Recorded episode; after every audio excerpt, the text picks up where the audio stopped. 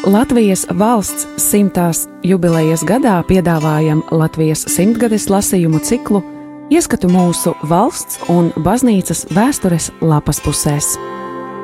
Julians Vaivots Septiņi mēneši Liepājas cietoksnī. No 1944. gada 9. oktobra līdz 1945. gada 9.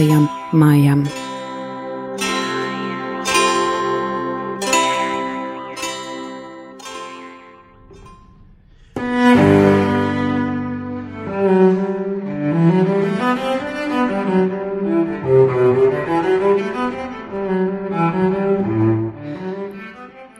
1945. gada 10. martā.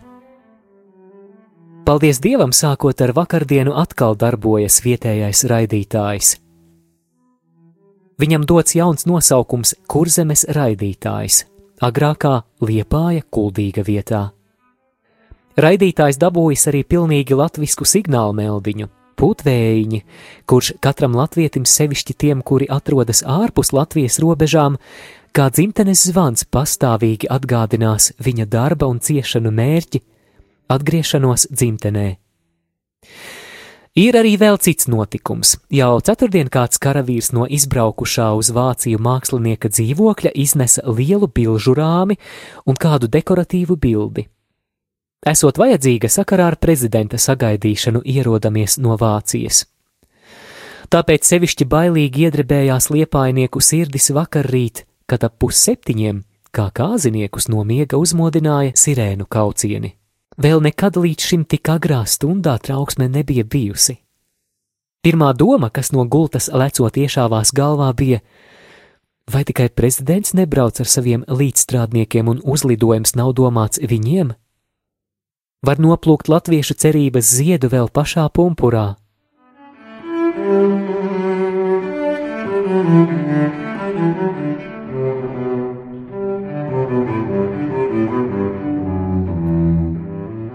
Uzlidojums laikam tiešām ostai bija domāts, un uz jūras esot redzēti krītam degoši aeroplāni, bet liepainieku bailes tomēr izrādījušās nepamatotas. Šodien pusdienā par radio paziņoja, ka prezidents ar trim līdzstrādniekiem atbraucis no Vācijas un pulksten 7.30 nokāpis no kuģa, kur viņu sagaidījuši redzamākie latviešu pārstāvji. Tātad brauciens ir beidzies laimīgi un ap 11. jau prezidents savā štābā esot apspriedies par svarīgiem pasākumiem jaunajā darbā.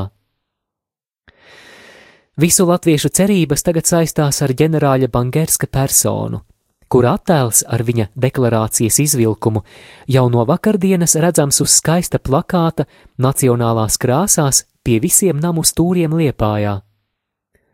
Lai Dievs dod, ka pēc visiem neveiksmīgiem eksperimentiem beigu beigās nodibinātos patiesi demokrātiska valsts iekārta Latviju zemē, kāda bija pirms kara.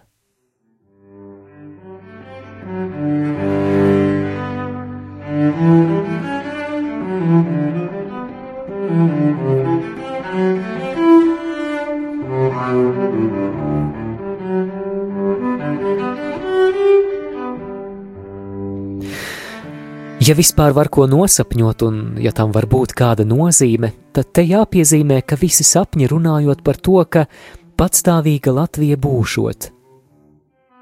Sevišķi uzkrītošs ir kādas sievietes sapnis, kuru man atstāstīja jau pirms mēneša, kad tas viss, kas šodien par Latviju tiek runāts un rakstīts, tautā vēl nebija zināms. Minētā sieviete sapnī esot redzējusi augstu un ļoti slidenu kalnu, kura galotnē plīvojas Latvijas karoks. Pie karoga pa kalnu rāpies Staļins, nolūkā to paņemt. Sapņotāja sākusi visā balsī saukt Bangerska kungu palīgā, un tas tomēr agrāk par Staļinu uzkāpis kalnā un karogus atvēris rokās. Sapnis paliek sapnis, bet viņā vismaz tik daudz taisnības, ka Latvijas kalns, kurā centās uzkāpt svešinieki, viņiem tiešām ir tik ļoti slidens, ka neskatoties uz visiem viņu pūliņiem, Latvijas karoks vēl plīvo kalna galotnē. Kā būs ar Staļina rāpšanos Latvijas kalnā, vēl nav zināms. Toties katram skaidrs, ka Hitlers no tā veldamies kā milzīga lavīna sadragās pats savu valsti. Visas pazīmes rāda, ka laikam tieši kurzeme būs viņa pēdējās varas kaps. Nota bene. Kopā ar ģenerāli Bangerski esot atbraukuši vispārējo lietu direktors Miezis, zemkopības lietu direktors Andersons un ģenerālprokurors Zvejnieks. Nezinu, kādā sakarībā smagie lielgabali pašlaik liepājās šauji gandrīz bez pārtraukuma, lai gan laiks stipri apmācies un plosās īsts gavēņa putenis. Tāpēc lidmašīnas virs pilsētas nevarētu atrasties.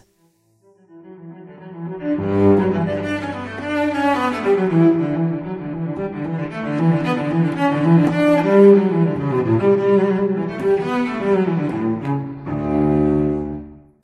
945. gada 10. mārta vakarā. Senāk latvieši teica, ka cilvēka dzīve esot raiba kā dzeņa pavēdere, bet mums liepājā tagad jāsaka, ka tikpat raiba ir katra diena. Priekšpusdienā liepainieki priecājas sakarā ar prezidenta ierašanos. Pavisam citāda iznāca pavakare. Personīgi man lielas rūpes vispirms sagādāja tas apstākļis, ka mūsu lepnā katedrāle tika vēl vairāk pataisīta par militāro mērķi, un ar to pašu vairāk ir apdraudēta. Atnāca kādi karavīri un palūdza ielaist baznīcā. Viņiem vajagot tikt baznīcas lielajā tornī. Domāju, ka lieta grozās ap parasto novērošanu, bet šoreiz viņiem nodomā pavisam kas cits. Baznīcas tornī ievilka antenu, nolaida kabeli un pievienoja apakšā noliktam motoram. Īsā laikā raidītājs bija gatavs. Pagaidām gan viņa galvenās ierīces atkal savāca, bet nākšot, ka cīņa sākšoties ap liepāju. Tātad no baznīcas torņa notiks kara operāciju diriģēšana. Šoreiz gan nenocietos un pateicu, ka tas man pavisam nepatīk, ka mūsu skaistā katedrāle tiek pārvērsta par gluži militāru mērķi.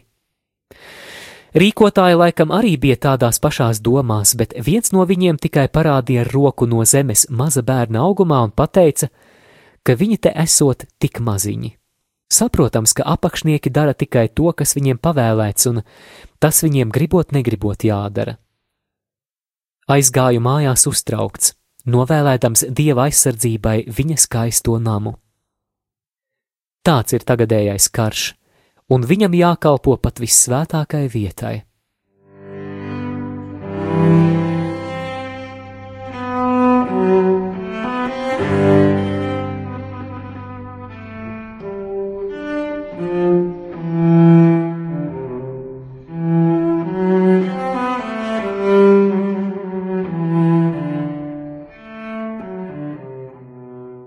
Tad atnāca kāda nelaimīga persona un sāka stāstīt savas bēdas. Viņas vīrs, ar kuru tikai pirms dažiem mēnešiem esot salauzājusies, sēžot cietumā.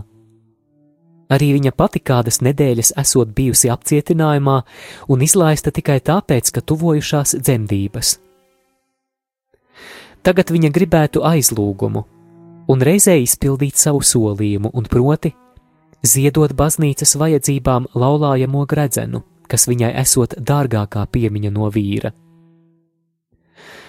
Skatoties uz viņas nelaimīgo izteiksmi un briesmīgajiem pārdzīvojumiem, nebija iespējams atturēties no asarām. Pie tam vēl pārcietināšanas laiku viņa esot galīgi apzakta. Viņa grib zināt, vai drīkst iesūdzēt tiesā viņas apzadzējus. Nebija viegli viņu pārliecināt, ka vīra dāvana gredzens jāpatur kā vienīgā piemiņa, jo mazas cerības, ka vīru pašu vēl redzēs.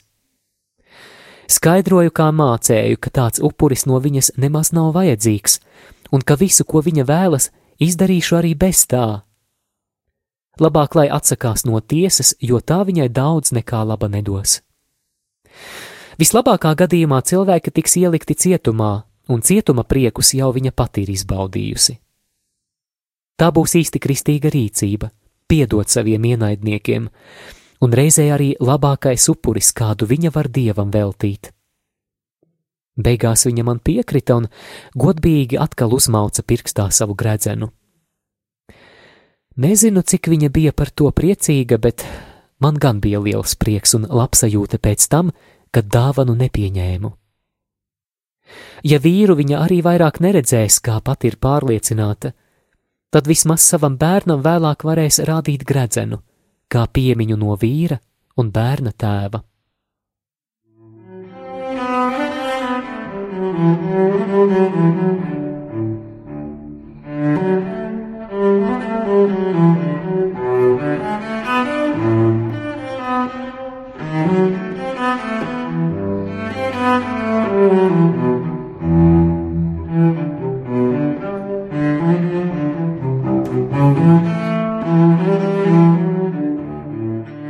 Šo rakstu pēc tam, kad trīs stundas jau biju nosēdējis pagrabā. Šaušana no lielgabaliem, par kuru ieminējos iepriekšējās lapas piezīmē, nebija nekāds joks. Pakāpeniski tā pastiprinājās un radās iespējas, ka sākusies īsta pilsētas apšaudīšana. Skaidri sadzirdama lādiņu kaukšana un sprādzieni, bet kur? Cilvēki sāka lasīties patvērtnēs, un kad no grāvieniem sāka pat sienas pulkstenis zvanīt, arī man vajadzēja meklēt vietu, kur vismaz riebīgais troksnis mazāks. Kas patiesībā ir noticis un kur granātas ir sprāgušas, nav zināms. Bet iespējas tāds, ka atkal ir sākuši Latvijas kalnā kāpšanu pēc sarkanbaltsarkanā karoga tie, kas pēc viņa tīko. Un šoreiz tas norisinās pavisam tuvu liepājai. Tāda lūk, liepājas cietoksnī tagad viena diena ir raiba.